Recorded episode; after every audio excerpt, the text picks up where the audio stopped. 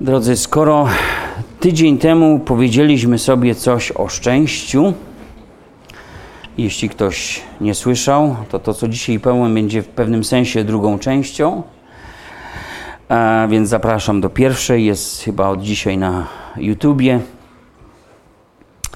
Więc skoro powiedzieliśmy sobie o szczęściu, pomyślałem, że wypadałoby teraz coś powiedzieć o przeciwieństwie szczęścia. Tym tygodniu miałem okazję słyszeć gdzieś tam, przechodząc ulicą, ktoś powiedział: Znowu ten pech. Znowu ten pech.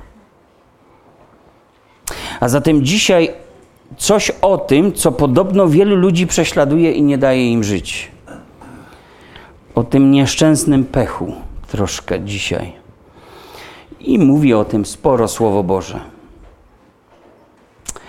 I zanim odpowiemy sobie na to pytanie, czy chrześcijanie miewają pecha i czy można być wierzącym pechowcem, chciałbym, żebyśmy zagłębili się na chwilkę w taki polski ranking popularnych przesądów. Otóż najbardziej jako Polacy boimy się, mówiłem bardzo ogólnie teraz, boimy się rozbicia lustra spotkania z czarnym kotem, a jak? Następna jest pechowa trzynastka, a później witanie się przez próg. Jedni traktują oczywiście przesądy z przymrużeniem oka, jako coś takiego ludowego, towarzyszącego nam, niegroźnego, a drudzy postrzegają e, to tak na wszelki wypadek, że lepiej to robić, lepiej temu dać wiarę. Są też tacy, którzy naprawdę święcie wierzą, że nie wolno tych spraw lekceważyć, no bo nieszczęście gotowe. Najbardziej w zabobony wierzą jednak, i tu o dziwo, nie polskie babcie, ale ich wnukowie, jak przekonują dane statystyczne, których jest dość sporo, więc można sobie to wszystko sprawdzać. Więc młodzi Polacy, obeznani z cudami technologii, cudami techniki, obeznani z internetem, są bardziej przesądni niż poprzednie pokolenia. Jak wynika z badań OBOP, ponad 50% z nas wierzy w zabobony. Przesądnych jest 64% kobiet i prawie połowa mężczyzn. Nie wiem dlaczego tak jest, ale tak jest. Lista przesądów i przypisywanych im znaczeń jest oczywiście w naszym społeczeństwie polskim dość długa. Rozsypany cukier, to przyjdą goście. Torebka lub portfel na podłodze, hmm, wyjdą pieniądze. Odpukać w niemalowane drewno, no to zabezpieczyć się, zaimpregnować przed jakimś pechowym złem, nie, wstać, nie wstawać z łóżka lewą nogą, no to nie sprowadzić sobie nieszczęścia w danym dniu. A po kichnięciu koniecznie trzeba powiedzieć na zdrowie, by odgonić jakąś ewentualną chorobę. Ale kiedyś celem tych życzeń było powstrzymać po prostu ducha opiekuńczego przed wyjściem z głowy. Wyobraźcie sobie, co to za tragedia. Pusta głowa. Do pustej głowy mógł wtargnąć zły duch, jak wierzono. Dlatego po zdrowym kichnięciu należało odmówić krótką modlitwę. To jeszcze pochodzi z Cesarstwa Rzymskiego. Do naszych czasów pozostało jedynie to magiczne słówko i to życzenie na zdrowie. Buty na stole, no to będzie hałas w rodzinie. W dniu ślubu pożyczenia goście obsypują młodych monetami co oczywiście ma przynieść wróżbę bogactwa, urodzaju. Pod warunkiem oczywiście, że młodzi wyzbierają każdą do ostatniej. Pechem jest brać ślub oczywiście w miesiącu, w którym nie ma literki jakiej? R. Wy to wiecie? Nie, nie przechodź pod drabiną. To jest masakra. Przechodząc pod drabiną narażasz się na nieszczęście. To wzięło się stąd, że wierzono, że denerwujemy w ten sposób tego ducha opiekuńczego i niszczymy swoją społeczność z nim. Oprócz tego całe są listy rzeczy, które śnią się Polakom, tak? Jedne zwiastują pecha, inne nieszczęście, a inne dobrobyt i pomyślność. Więc Polacy nie tylko wierzą w pecha, ale także wierzą w szczęście. No więc co przynosi nam Polakom szczęście? No, 36% jednak uważa, że przed tą kończyną jest guzik na widok kominiarza. 33% uważa, że to jest ta czterolistna kończyna, której znalezienie zwiastuje jakąś pomyślność. 23% Polaków nosi jakiś talizman lub religijny substytut fetyszu albo jakiś drobiazg w portfelu. No, oczywiście nie moneta.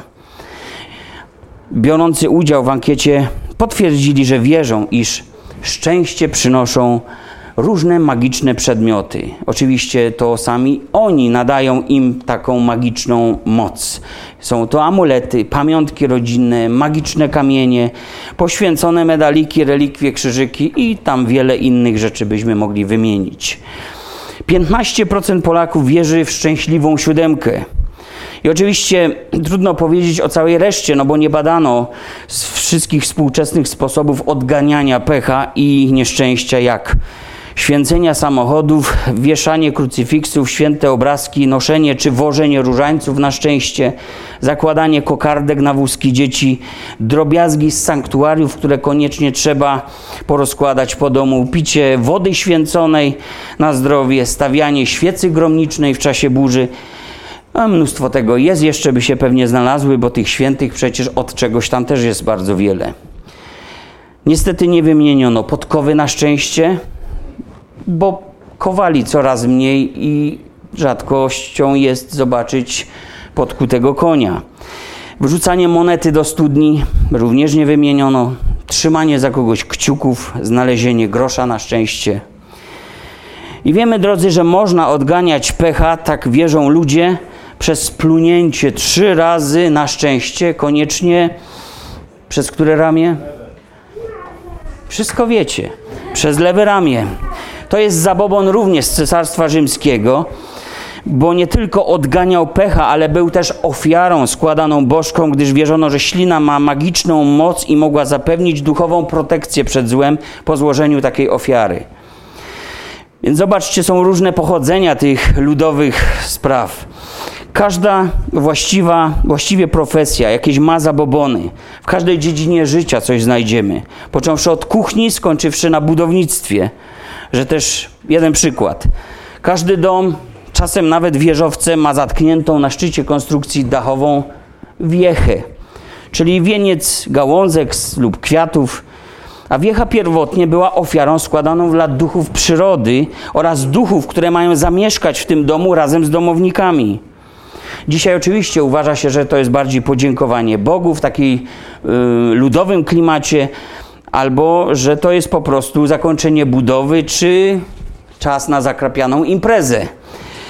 Coraz więcej firm na zachodzie, budując wieżowce, po 12 piętrze buduje piętro 14, bo nie da się sprzedać 13 piętra, nie da się wynająć. Ceny spadają, są tylko straty.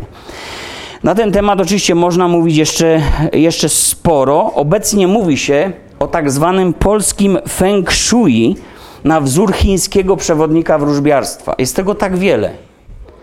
Polska więc to nie jest tylko kraj przodujący w bałwochwalstwie, ale również w zabobonach, w gusłach. Jesteśmy przodownikami również w tym. I czytając, wiecie, to wszystko, a zaczęło się od tego pecha, zastanawiałem się nad tą kwestią najpierw, czy chrześcijanie mają pecha. Czy mieliście pecha w tym tygodniu? Słyszę czasem, że nieraz wierzący ludzie wyznają tą wiarę w pecha. Mówimy o pechu, że kogoś spotkał. Sami czasem myślimy, że jesteśmy ofiarą pecha, czyli jakiegoś zbiegu okoliczności. Obawiamy się pecha, a nawet sami możemy się czasem złapać na próbie odgonienia go na wszelki wypadek przez odpłukanie. Ale jak pech się ma do słów takich, że Bóg współdziała we wszystkim z tymi, którzy Boga miłują? Czy Bóg więc posługuje się naszym pechem, żeby przynieść nam szczęście? No, gdyby tak było, to któż bałby się pecha?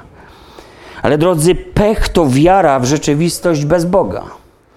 Pech to wiara w rzeczywistość, w której nie ma Boga.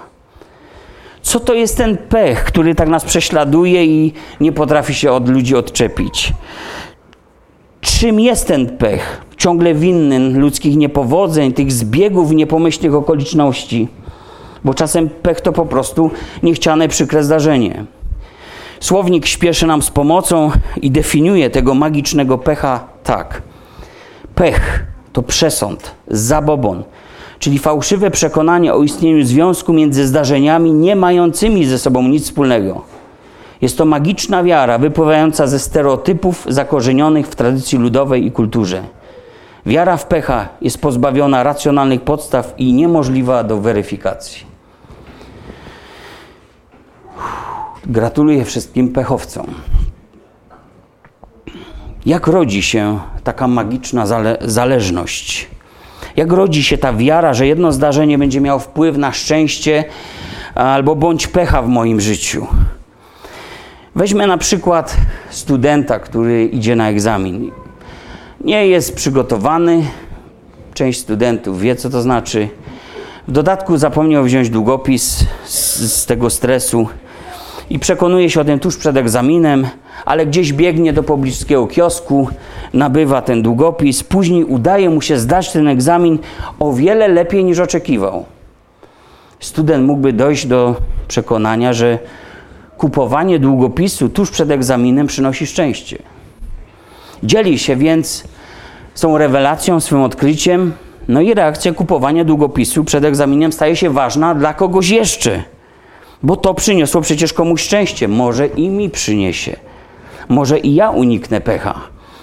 I podobnie może być ze wszystkim, z maskotką wziętą na egzamin, z jakąkolwiek sprawą, rzeczą, której przypiszemy taką wartość, ważność. Albo inny przykład. Gracz skreśla na kuponie w lotto datę urodzenia bliskiej mu osoby albo numer swojego telefonu komórkowego. I okazuje się, że wygrywa choć nie największą pulę. Pomyślmy, reakcja skreślenia szczególnych numerów jest wzmocniona. Może by trzeba było zgarnąć trochę więcej. Od tej pory taki gracz będzie skłonny skreślać tylko szczęśliwe liczby, tym bardziej jeśli potencjalna wygrana może być wyższa. No, albo jeszcze inny przykład. Ktoś grał kiedyś w Chińczyka? Taka zapomniana stara gra. Ktoś tam może jeszcze kiedyś grał w gry planszowe, prawda? Bez ekranu. No właśnie, chodzi o to, żeby rzucić kostką i przesunąć ten swój pionek do przodu szybciej i dalej niż drugi gracz. No ale w trakcie gry planszowej z rzucaniem kośćmi gracz czasem chucha na te swoje kości. Podczas rzutu wypada liczba, której sobie życzył. I w ten sposób reakcja chuchania w kości okazuje się ważna i wzmacnia to przekonanie, że kiedy to robię, to wypadnie szczęśliwa liczba. A kiedy tego nie robię, to wszystko się może zdarzyć. I zobaczcie, na zasadzie takich zależności magicznych ludzie mogą uczyć się powtarzania reakcji, które nie mają żadnego związku ze sobą, czy na to, co wydarzy się później. I to jest właśnie jeden z mechanizmów tworzenia się przesądów i zabobonów. No ale ktoś powie, że, że to działa, że to tak jest. Może was zaskoczę, albo i nie. Zgadzam się, że to może działać. Gdyby nigdy zbieg okoliczności nie zadziałał, to nikt w ogóle nie popadłby w jakiekolwiek przesądy czy zabobony. Spójrzmy jeszcze raz, może na tego studenta, którego wymieniłem, który rzekomo dzięki nowemu długopisowi nabytemu tuż przed egzaminem zdał go lepiej. Jeśli student byłby głęboko przekonany o takim istnieniu związku między kupieniem długopisu a tym egzaminem, który dobrze napisał, i pewnego razu go nie zdąży kupić, a znowu zapomni, to może być poddenerwowany, to może być jeszcze bardziej zestresowany i ten student niestety gorzej napisze ten egzamin, ale nie będzie myślał, że to jego stan emocjonalny miał na to wpływ, że się nie mógł tak skoncentrować, ale co? Gdybym kupił ten długopis, to bym lepiej napisał. I znowu zabobon. Zabobon, przesąd, jeśli go praktykuję, zmienia, zmienia mnie i angażuje mnie, powiem wam w co? W praktyki wróżbiarskie. I to nie chodzi o to, czy powielam jakiś prastary rytuał, jakąś ludową ceremonię, czy religijny obrzęd, bo my sami możemy tworzyć własne przesądy. Mogę sam dla siebie stać się wróżbitą, który planuje swoją przyszłość, wykonując jakieś odpowiednie magiczne czynności. Mogę sam być wynalazcą złego. Apostoł Paweł, pierwszy list do Rzymian, 30 werset, opisując wszystkie grzechy pogan, zostawił tam miejsce dla pewnego rodzaju grzechów,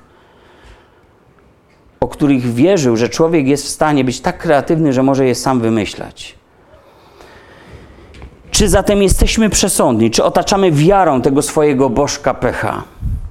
I to jest ważne pytanie z punktu widzenia Biblii. Musiałem to wytłumaczyć najpierw, zanim wejdziemy w Biblię, abyśmy byli przybliżeni do tego, że ona właśnie o tych rzeczach mówi. Posłuchajcie, proszę, kilka tekstów na temat przesądów, zabobonów i tej wierze w pecha, e, czy w szczęście. A to był właściwie jeden z rozdziałów wróżbiarstwa i astrologii w czasach starożytnych. Co Biblia na ten temat? Kilka tekstów. Trzecia Mojżeszowa, 19 rozdział, 26, 31 werset. Nie będziecie wróżyć ani czarować. Nie będziecie się zwracać do wywoływaczy duchów ani do wróżbitów. Nie wypytujcie ich, bo staniecie się przez nich nieczystymi. Ja, Pan, jestem Bogiem waszym. Trzecia Mojżeszowa, 20 rozdział, 6-7 wers. Kto zaś zwróci się do wywoływaczy duchów i do wróżbitów, by naśladować ich w cudzołóstwie, to zwrócę swoje oblicze przeciwko takiemu i wytracę go spośród jego ludu. Uświęcajcie się i bądźcie świętymi, gdyż ja Pan jestem Bogiem waszym. I może jeszcze piąta księga Mojżeszowa, osiemnasty rozdział od dziewiątego wersetu. Gdy tedy wejdziesz do ziemi, którą Pan Bóg Twój Ci daje, nie naucz się czynić obrzydliwości tych ludów. Niech nie znajdzie się u Ciebie taki, który przeprowadza swego syna czy swoją córkę przez ogień, ani wróżbita, ani wieszczbiarz, ani guślarz, ani czarodziej, ani zaklinacz, ani wywoływacz duchów, ani znachor, ani wzywający zmarłych, gdyż obrzydliwością dla Pana jest każdy, kto to czyni i z powodu tych obrzydliwości Pan Bóg Twój wypędza ich przed Tobą. Bądź bez skazy przed Panem, Bogiem Twoim, gdyż te narody, które Ty wypędzasz, słuchają wierzbiarzy i wróżbitów, a na to Pan Tobie nie pozwolił. Proroka takiego jak ja jestem wzbudzi Ci Pan, Bóg Twój, spośród Ciebie, spośród Twoich braci. Jego słuchać będziecie. Spójrzmy, od samego początku Bóg stał przeciwko tym, którzy uprawiają wróżbiarstwo, przepowiadają przyszłość, zaklinają, wywołują duchy, są znachorami, czy uprawiają jakąś szemraną, spirytystyczną medycynę. Kiedy Nowy Testament mówi o tych, którzy Królestwa Bożego nie odziedziczą, czytamy tam, że czarownicy także go nie odziedziczą. I w języku greckim w oryginale pada słowo farmakia, co oznacza tych, którzy zajmowali się wówczas taką e, farmakologią szamańską, takim niekonwencjonalnym lecznictwem, takim podawaniem leku, którego skuteczność tak naprawdę zależała od wiary człowieka, który go przyjmował, a nie od składu, nie od tego, co zawierał ten lek. A więc wśród obrzydliwości jest wymieniony guślarz. Guślarz to osoba praktykująca po prostu gusła, czyli wierzenia ludowe, przesądy, zabobony. A Bóg powiedział, że wytraci takich spośród swojego ludu, którzy będą takimi rzeczami się zajmowali. I Bóg mówi do swoich ludzi: Nie chodźcie do nich, nawet się ich nie wypytujcie o cokolwiek, bo staniecie się nieczystymi, tak jak oni. W księdze Ozeasza Bóg karci swój lud za radzenie się różdżkarzy, którzy za pomocą kija orzekają, jakie mają ludzie powziąć decyzje. Jest to czwarty rozdział, dwunasty werset. Mój lud radzi się swojego drewna, a jego kij daje mu wyrocznie, gdyż duch przeteczeństwa ich omamił, a cudzołożąc odstąpili od swojego Boga. Czy te teksty mają jakieś odniesienia do naszych czasów? Czy rzeczywiście jest tak, że radzimy się współczesnych guślarzy, wróżbitów? Oby nie. Ale wiecie, czytanie horoskopów, słuchanie telewizyjnych wieszczów, jest właśnie takim rodzajem poradnictwa, tylko w takiej digitalizowanej formie. Praktykowanie zababonów jest uprawianiem guślarstwa. Za każdym razem, gdy chrześcijanin odwołuje się do takich praktyk, po prostu czyni obrzydliwość w oczach Pana. Tak to stawia Biblia. A na to Pan Tobie nie pozwolił, czytałem. Boży lud nie trzymał się tego, co Bóg do niego powiedział. I szli w tym kierunku. Pozwolenia nie było, a jednak szli. Proroka takiego jak ja wzbudzi ci Pan, Bóg Twój, spośród Ciebie, spośród Twoich braci, Jego słuchać będziecie. O kim to mowa? Właśnie w takim kontekście to padło. To była jedna ze starotestamentowych zapowiedzi nadejścia Mesjasza, proroka takiego jak ja. Mojżesz twarzą w twarz rozmawiał z Panem i był pośrednikiem Starego Przymierza. A tu mowa o pośredniku Nowego Przymierza, który też będzie tak rozmawiał w tym przypadku syn ze swoim ojcem. Jezus Chrystus jest tą osobą, której mamy się radzić, Jego mamy słuchać. Biblia mówi, że jeśli chcemy mieć przystęp do Boga, jeśli chcemy mieć jakiekolwiek poznanie, objawienie, cokolwiek chcemy od Niego wiedzieć, to Jezus ma być jedynym pośrednikiem pomiędzy Bogiem a człowiekiem i nie ma innego. Wszystko więcej to gusła. To są jakieś ludowe dodatki. Czy zatem, czym zatem jest takie odwoływanie się do guseł? Czym jest praktykowanie takie na co dzień różnych przesądów? Branie ich pod uwagę. Po prostu jest to objaw braku wiary w Boga, braku zaufania Mu.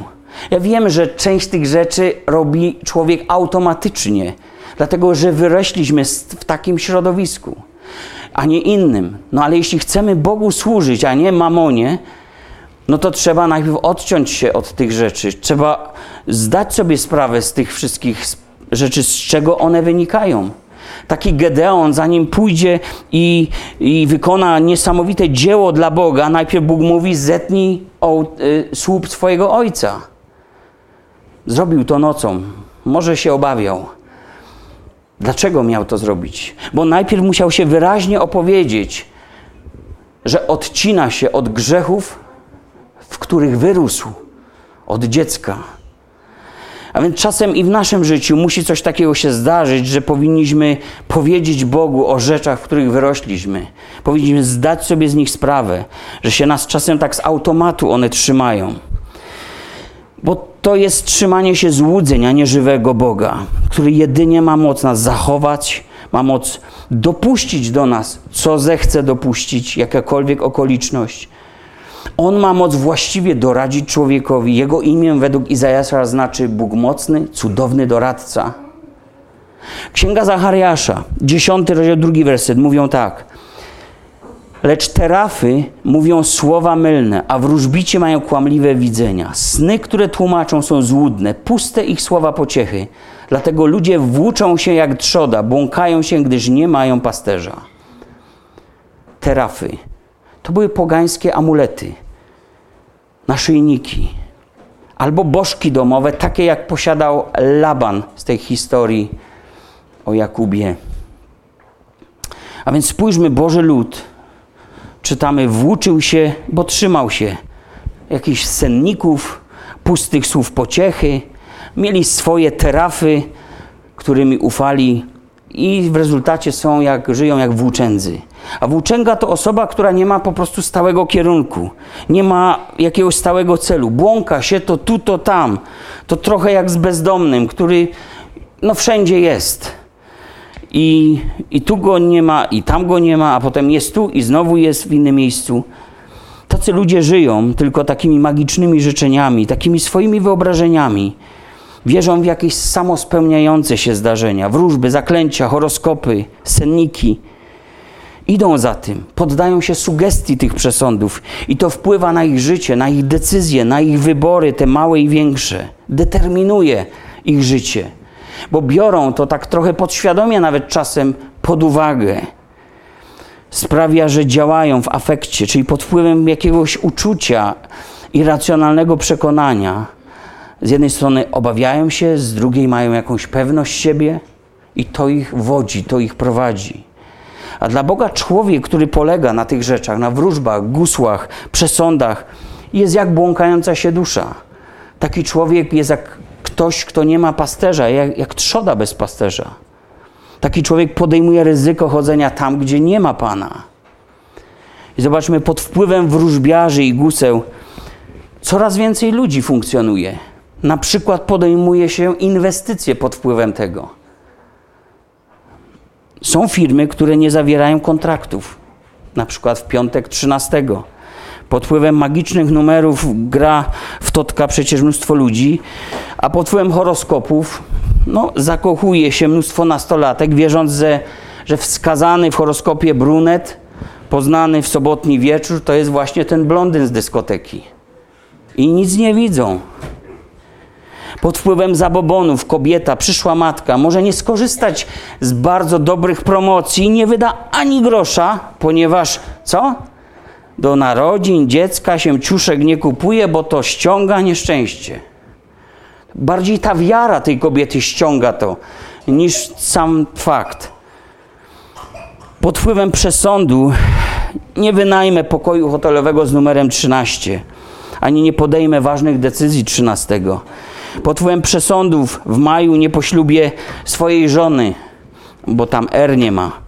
Pod wpływem zabobonu zawrócę i pojadę inną trasą, bo właśnie czarny kot przebiegł mi drogę. Tak skądinąd bardzo, bardzo mało jest czarnych kotów. Zawsze znajdziecie u czarnego kota jakąś białą plamkę. To jest inna historia. Ale nikt się nie przygląda. Byle czarne przebiegło, o, jedziemy w inną stronę. I tego, słuchajcie, jest całe mnóstwo. Ludzie nowocześni, ludzie znający cuda technologii, biegają do wróżbitów, do wróżek, zapytać o to, w co zainwestować na giełdzie. Oni zawsze będą mieli robotę, dopóki będzie zawsze niewiara ludzi w prowadzenie Boga.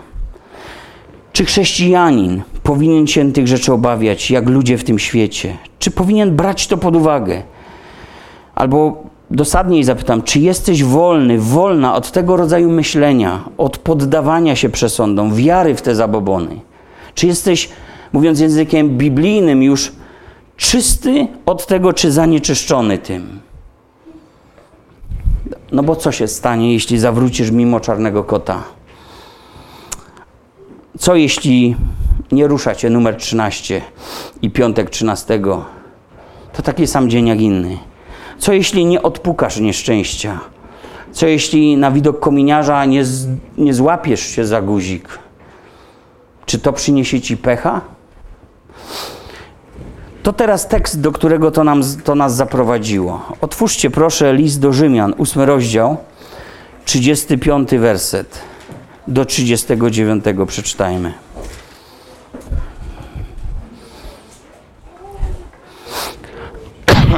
Ósmy rozdział listu do Rzymian, 35 werset do 39. Któż nas odłączy od miłości Chrystusowej? Czy utrapienie, czy ucisk, czy prześladowanie, czy głód, czy nagość, czy niebezpieczeństwo, czy miecz? Jak napisano z powodu Ciebie, co dzień nas zabijają, uważają nas za owce ofiarne. Ale w tym wszystkim zwyciężamy przez tego, który nas umiłował. Albowiem jestem tego pewien, że ani śmierć, ani życie, ani aniołowie, ani potęgi niebieskie, ani teraźniejszość, ani przyszłość, ani moce, ani wysokość, ani głębokość, ani żadne inne stworzenie nie zdoła nas odłączyć od miłości Bożej, która jest w Chrystusie Jezusie Panu naszym.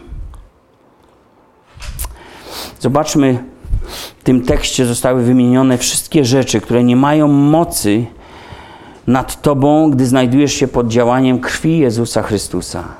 Bo miłość, o której tutaj czytamy, przyszła do nas i związała nas z Panem, utożsamiła nas z nimi. Staliśmy się spokrewnieni tą jedną krwią, bo miłość, o której czytamy, przyszła do nas i związała nas zupełnie ze sobą. Przez moc Jego ofiary, moc krwi, która wszystko oczyszcza przez, przed Bogiem i która chroni nas przed wszelkiego rodzaju złem. Także zły człowieka wierzącego tknąć nie może, powiedział apostoł Jan w swoim liście. A więc nie może oddzielić nas od miłości Boga. Utrapienie, miecz, przyszłość, ucisk, śmierć, moce, prześladowanie, życie, głód, aniołowie, nagość, potęgi niebieskie, niebezpieczeństwo, teraźniejszość, wysokość i głębokość i żadne inne stworzenie. nie zdoła nas odłączyć od miłości Boga, która jest w Jezusie Chrystusie. Żadna z tych rzeczy. Pytanie, cóż to jest ta wysokość i głębokość? W języku greckim padają słowa batos i hypsoma. I obydwa słowa można rozumieć dosłownie, ale niekoniecznie. Były to także terminy powszechnie używane przez astrologów, oznaczające najniższy punkt na nieboskłonie i najwyższy punkt na nieboskłonie. I te punkty były bardzo ważne dla astrologów, wróżbitów w interpretowaniu teraźniejszości i zdarzeń przyszłych dla danego człowieka. I wynika z tego tekstu również to, że żadne astrologiczne przepowiednie, żadne zaklęcia i przesądy nie mają mocy nad tobą, gdy jesteś w Chrystusie Jezusie. Ale co jeśli chrześcijanin sam dopuszcza w taki oto prosty sposób te rzeczy do swojego życia? I jednak wierzy w przesądy, powtarza te, te wszystkie rzeczy. Wierzy w tego swojego możliwego pecha lub w tą szansę na szczęście wskutek różnych magicznych zdarzeń i zabiegów, które miałyby mi to przynieść. To nie tylko czyni nas, drodzy, według Słowa Bożego nieczystymi, ale powoduje też, że człowiek otwiera się na pewną duchową rzeczywistość, na świat spirytyzmu. Stajemy się podatniejsi Otwieramy się na świat demonów, duchów, magii, a nawet samego diabła. Oczywiście w tak czarnych kolorach, gdyby to przyszło do nas, to każdy by w podskokach uciekł. Ale to przychodzi w takiej formie, wiecie, zabawowo-ludowej. Tak właśnie diabeł się jawi wielu ludziom. Taki ktoś z kopytami, rogami, widłami. Nic z tych rzeczy. To są takie wyobrażenia odpustowo-ludowe. To wszystko inaczej wygląda. Mówimy o pewnej sile, o pewnej mocy, o mocy antychrysta, który, która już teraz działa, aczkolwiek niejawnie, nieotwarcie, bo jest ten, który powstrzymuje, a który kiedyś zejdzie z pola. Mówimy o Bożej mocy, o Bożym duchu. No ale co jeśli te rzeczy się sprawdzają? Ktoś mógłby powiedzieć, co jeśli się zgadzają z tym, co będzie, to, to mam tego nie słuchać? No, spójrzmy na taki tekst, Dzieje Apostolskie, 16 rozdział, 16 werset do 18.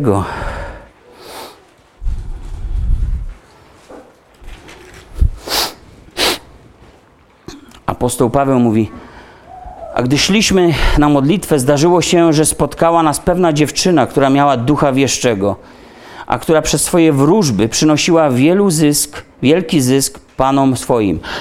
Ta inot za Pawłem i za nami wołała, mówiąc: Ci ludzie są sługami Boga Najwyższego i zwiastują wam drogę zbawienia. A to czyniła przez wiele dni.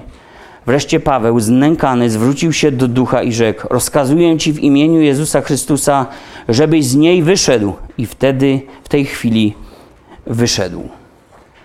Ciekawa historia. I zwróćmy uwagę, że ta dziewczyna wieszczyła prawdę. Prawdę, nie znając tej prawdy, nie będąc w tej prawdzie i nie żyjąc tą prawdą. Była zniewolona. Raz przez swych panów, dwa przez ducha wieszczego. I choć mówiła prawdę, to nie duch Boży przemawiał przez nią. I spójrzmy, jeśli zabobony się sprawdzają, jeśli zaklęcia nawet działają, jeśli przesądy mają moce sprawcze i zgadzają się z późniejszą rzeczywistością, to wcale to jeszcze nie oznacza, że te rzeczy pochodzą od Boga. W Starym Testamencie Boży lud dostał dwa testy na na to, aby rozpoznawać, jaki prorok jest od Boga, a jaki prorok jest fałszywym prorokiem. I Boży lud miał te testy. A więc jeżeli ktoś zapowiedział coś, co się nie wydarzyło, niech będzie ten prorok dla ciebie fałszywym prorokiem, mówi pismo. Ale był jeszcze inny test, dość ciekawy, bo on mówił, że jeśli powstanie jakiś prorok, będzie miał sen, zapowie coś, dokona jakiegoś nawet cudu, a potem ten prorok będzie odprowadzał cię od Słowa Bożego, to to jest też fałszywy prorok. A więc probierzem wszystkiego, co się działo, miało być Słowo Boga, a nie fajerwerki, które przed oczami ktoś namaluje drugiemu. To tak a propos współczesnych religijnych cudów. Biblia mówi: badajcie duchy, bo nie wszystkie pochodzą od Boga. Wydawać by się mogło, że ten duch ogłaszał drogę zbawienia, a jednak Paweł, zwróćcie uwagę, on był znękany, on był zmęczony tym, on już miał dość. Ten duch oznamiał przecież prawdę, ale trzymał tą dziewczynę w niewoli z dala od tej prawdy i dręczył Pawła. Inny przykład, Stary Testament. Saul był królem powołanym przez Boga, królem, któremu pobłogosławił Pan, ale wskutek nieposłuszeństwa od, odstąpił od Pana, nie radził się głosu Pana.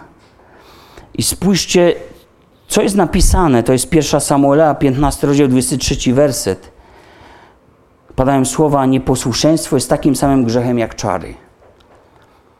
Co ten człowiek zaczął robić? W posłuszeństwie ten król radził się Boga. Żył z Bogiem. Miał poczucie bezpieczeństwa w Bogu. Zaś w nieposłuszeństwie żył poddany żywiołom tego świata. I Bóg przestał być doradcą tego króla. Saul, znając prawdę, odstąpił od prawdy i poszedł w ostatecznym rozliczeniu do wróżki z Endor. Chciał przywrócić sobie to poczucie stabilności, chciał przywrócić sobie tą równowagę psychiczną. Chciał odzyskać pewność siebie, chciał mieć grunt pod nogami, przewidywalną przyszłość. Czy tego właśnie nie przynoszą wróżby? Czy dlatego ludzie za tym nie gonią? Dają fałszywe poczucie bezpieczeństwa. Przed tym królem stały dwie drogi. Posłuchajcie, to jest pierwsza kronik, 10 rozdział, 13-14 wers. Tak zginął Saul z powodu swojej niewierności, jakiej dopuścił się wobec Pana, wbrew słowu Pana, którego nie przestrzegał. Zapytał również o wyrocznie wieszczkę, a nie pytał o wyrocznię Pana. On więc pozbawił go życia, władzę królewską zaś przeniósł na Dawida. Dwie drogi. Mógł pytać Pana, mógł radzić się go, ale w swoim nieposłuszeństwie łatwiej było złapać się przesądów, wróżek, czy dzisiaj horoskopów, czy innych fetyszy, amuletów i rzeczy, które mają mi zwiastować szczęście. Jest jeszcze jeden przykład. Wspomniany Laban, który miał takie bożki domowe, takie terafy swoje. Jakub służył u niego dwa razy po siedem lat. Raz za Le, drugi raz za Rebekę. I kiedy Jakub chciał odejść, ten Laban powiedział do niego, że z wróżby wynika, że powinien zostać dłużej. Z wróżby wynika. Bo ma przecież błogosławieństwo i on, i on, wszyscy na tym korzystają powinien zostać. Wróżby tak mówią. Co my byśmy zrobili, kiedy tak fajnie by się to pokrywało z faktami, że faktycznie, no, idzie nam dobrze, po co to przerywać? Ale Jakub nie ulegał jednak takim sugestiom, nie dał wiary przesądom, a tym był owładnięty Laban. On tego się słuchał. No to jak jest dzisiaj, jeszcze raz zapytam.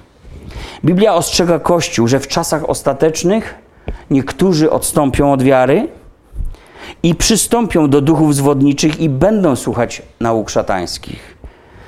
Ja nie wiem, jak wiele rzeczy w tym tyglu może się zmieścić, ale z pewnością coś takiego, o czym dzisiaj mówimy. A zatem nie możemy lekceważyć tego.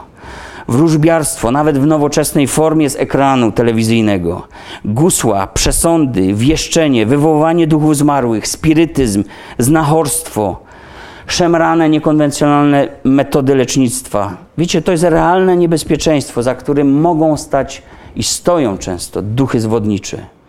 To nie jest tylko jakaś zabawa z przymrużeniem oka. Dzieci się bawią w Halloween albo wywoływanie duchów.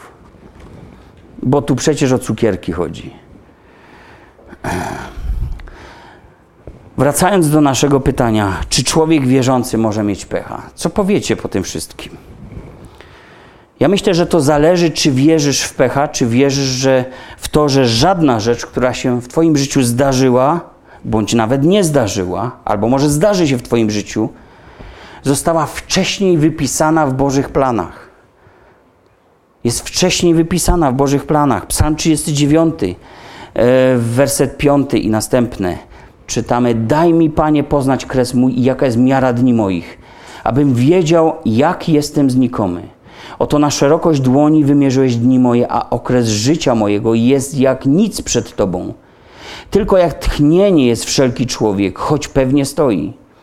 Zaprawdę człowiek przemija jak cień. Zaprawdę na próżno się miota. Gromadzi, a nie wie, kto to zabierze. A teraz czego mam się spodziewać, Panie? W Tobie jest nadzieja moja. A więc jeśli wierzę, że Bóg wypisał na swojej dłoni wszystkie moje dni, to powiedzcie, czy brakuje tam chociażby jednego, że trafił mi się tak zwany pech. Tak na marginesie trzeba powiedzieć, że niektórzy odczytywali w tym tekście pozwolenie na wróżenie z linii papilarnych rąk. Ale bądźmy dokładni. Tam nic nie jest napisane o naszych ludzkich rękach, tylko o Bożej ręce. Tylko Bóg ma klucz do śmierci i życia człowieka. W Jego ręku jest nasze życie. Liczba naszych dni jest policzona. My mamy zadbać o to, aby nabywać mądrości wraz z upływem czasu. Tak jak Mojżesz się modlił, naucz nas, Panie, liczyć dni nasze, abyśmy posiedli mądre serce. I może podobnie jak czytamy w Psalmie 39, mieliśmy już takie pytanie, gdy coś nieprzewidywalnego się zdarzyło w naszym życiu. A teraz, czego mam się spodziewać, Panie? Odpowiedź znamy. W Tobie jest nadzieja nasza i nie szukaj nigdzie indziej. Jaka jest Twoja nadzieja? Jeżeli mówiąc o pechu, nie sięgamy do przesądów, a mówimy o sytuacji, na którą nie mieliśmy żadnego wpływu, to czy to był pech, zły los, zła passa? Na dobrą sprawę każdy może to po swojemu nazwać. Czy może jednak jest to dzień, w którym Bóg, mając nadal moje życie pod całkowitą kontrolą, zechciał mnie czegoś nauczyć, postanowił coś w moim życiu dopuścić, postanowił przeprowadzić mnie przez jakąś trudną sytuację, postanowił wzmocnić moje zaufanie do Niego. Wiara w pecha to po prostu nie wiara w Bożą kontrolę. I spójrzmy na ten jeden werset, który przytoczyłem już poniekąd w czasie dzisiejszego kazania. Rzymian, 8 rozdział, 28 werset. A wiemy, że Bóg współdziała we wszystkim ku dobremu z tymi, którzy Boga miłują. To jest z tymi, którzy według postanowienia Jego są powołani. Tak to ma wyglądać. To taki dialog z Bogiem mamy. Pamiętacie z pewnością z czytania Izrael na pustyni pytanie, czy oni mieli pecha, że aż trzykrotnie stanęli przed problemem braku wody? A czy Jakub miał pecha, że musiał dwa razy dłużej pracować dla Labana? A czy Józef miał pecha, że po lądowaniu w studni został sprzedany, potem znowu na dołek do więzienia, niesłusznie oskarżony? To co, pecha miał? A Jonasz miał pecha, że zły kierunek obrał, że na niewłaściwy statek wsiadł? Może inny trzeba było wybrać. I by się poszczęściło. A czy apostoł Paweł miał pecha na Malcie, gdy go żmija ukąsiła? Akurat rękę musiał włożyć w to miejsce, a nie inne. A może to nie był pech? Może to było Boże prowadzenie? Lub coś, co Bóg dopuścił do tych ludzi, bo miał w stosunku do nich niezwykły plan. Chociaż nie zawsze mogli rozumieć Boże działanie wtedy, gdy się te rzeczy działy. I może czasem też nasze nieposłuszeństwo ściąga nas na nas konsekwencje naszych wyborów. Też tak może być. To na przykład Jonasz. A jednak tu nie działał pech ani łód szczęścia. No a co z tym szczęściem? Już o tym sporo było. Skoro wielu ludzi wierzy w pecha, to wierzą też ludzie w przeciwieństwo tego. A szczęście to pojęcie, jak już wiecie, różnie definiowane, ale zawsze w opozycji do pecha. Jedna z definicji, jaką, o której mówiłem, powiadała, że to są wyjątkowo sprzyjające okoliczności, wydarzenia, równoznaczne z pomyślnością. I szczęście w tym przypadku to sytuacja, na którą nie mieliśmy większego wpływu, czyli jak powiada przysłowie, trafiło się nam jak ślepej kurze ziarnko, tak? To też może być brane jako szczęście. Niektórzy oczywiście wierzą, że na szczęście mają wpływ sami, bo każdy jest kowalem swojego losu, ale inni wybierają wiarę w przesądy. I za klasykiem mówią sobie: każdy szczęściu dopomoże, Każdy dzisiaj wygrać może. To tekst Franka Dolasa z filmu Jak rozpętałem II wojnę światową. Ale tak żyją Polacy. Podejmują ryzyko. Hazardziści. Jeden z najbardziej znanych sposobów wiary w szczęście to gry liczbowe. W USA jest mniej hipokryzji, bo nazywa się to wprost hazard. Hazard zaś to najprostsza droga do kontaktu właśnie z takimi duchami zwodniczymi, które kryją się za przesądami, wiarą w magiczne zdarzenia, wypadających liczb, układających się pomyślnie sekwencji liczbowych. I hazardziści, drodzy, to ludzie, którzy często są zaplątani nieświadomie w okultyzm właśnie na poziomie tych ich przesądów. Nieustannie ulegają fałszywemu takiemu przekonaniu, że istnieje jakaś niezaprzeczalna zależność między pewnymi zdarzeniami, choć tak naprawdę jej brak. jeszcze powiem zdanie: hazardziści interpretują te swoje przegrane nawet jako elementy pewnej układanki, pewnej całości, które w ostateczności mają im ich doprowadzić do zwycięstwa, do zmiany złej passy, że ten pech ich opuści. Taki hazardzista, jeśli na kole ruletki obstawia sobie liczbę 7, no i wypada dziewiątka, czyli co? No koniec, fiasko, przegrał. Nie, hazardzista myśli inaczej. Myśli w ten sposób, że od wygranej dzieliła go tylko jedna liczba. Zatem chybiona liczba nie jest dla niego porażką, ale znakiem, że szczęście się zbliża wielkimi krokami. Trzeba grać dalej. Każdy szczęściu dopomoże, każdy dzisiaj wygrać może. A więc, drodzy, to też dołączę do tego dzisiejszego słowa. Nie uprawiaj hazardu, bo nie tylko wchodzisz przez to w świat zdarzeń losowych, wchodzisz też w pokusę złudzeń i pułapki zabobonne. Jednym z najtrudniejszych do wyleczenia uzależnień jest właśnie uzależnienie od hazardu. Także to są naprawdę poważne sprawy. Lepiej jest modlić się, słuchajcie, modlitwą Salomona. Większość już na ten tekst się na pewno natknęła modli się: Proszę cię o dwie rzeczy. Nie odmów mi, zanim umrę. Oddal ode mnie fałsz i słowa kłamliwe. Nie nawiedź mnie ubóstwem, ani nie obdasz mnie bogactwem. Daj mi spożywać chleb według mojej potrzeby, abym będąc syty nie zaparł się Ciebie i nie rzekł, któż jest Pan, albo abym z nędzy nie zaczął kraść i nie znieważył imienia mojego Boga. Przypowieści 30 rozdział 7 do 9 wersetu. I wiemy, że Bóg władny jest udzielić nam wszelkiej łaski. I wiem, że Bóg zaspokoi wszelką potrzebę, moją, Twoją, według bogactwa swego chwale w Chrystusie Jezusie. Filipian 4 rozdział 19 wers. Więc jak to jest z nami? Jaki mamy stosunek do tych wszystkich rzeczy, o czym powiedziałem dzisiaj? Jaki masz stosunek do przesądów, do tych ludowych porzekadeł, nawet tych współczesnych rzeczy? Czy wierzysz Bogu czy wierzysz jednak w pecha albo w łód szczęścia? Czy wierzysz, że od Niego wszystko zależy w Twoim życiu? Czy wierzysz, że możesz sterować swoim życiem jak hazardzista? Może tak wierzysz, że będziesz ryzykował, w końcu się uda. Biblia zachęca nas. Jest to pierwszy list Piotra, piąty rozdział, ósmy, dziewiąty werset.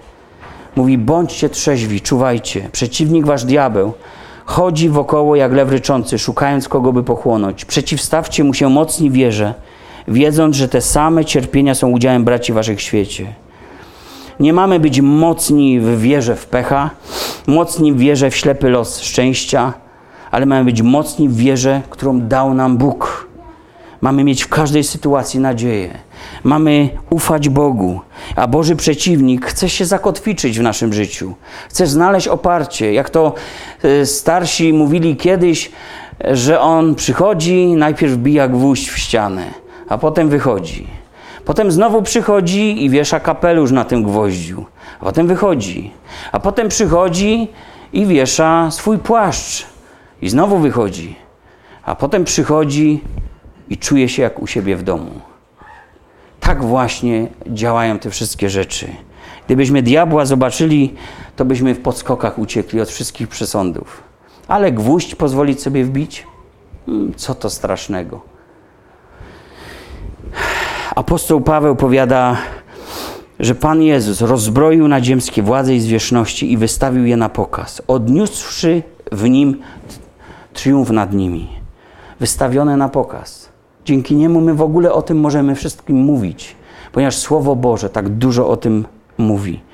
A więc zobaczmy, że On przez krzyż zwyciężył, Jezus odniósł zwycięstwo nad władzami, zwierzchnościami.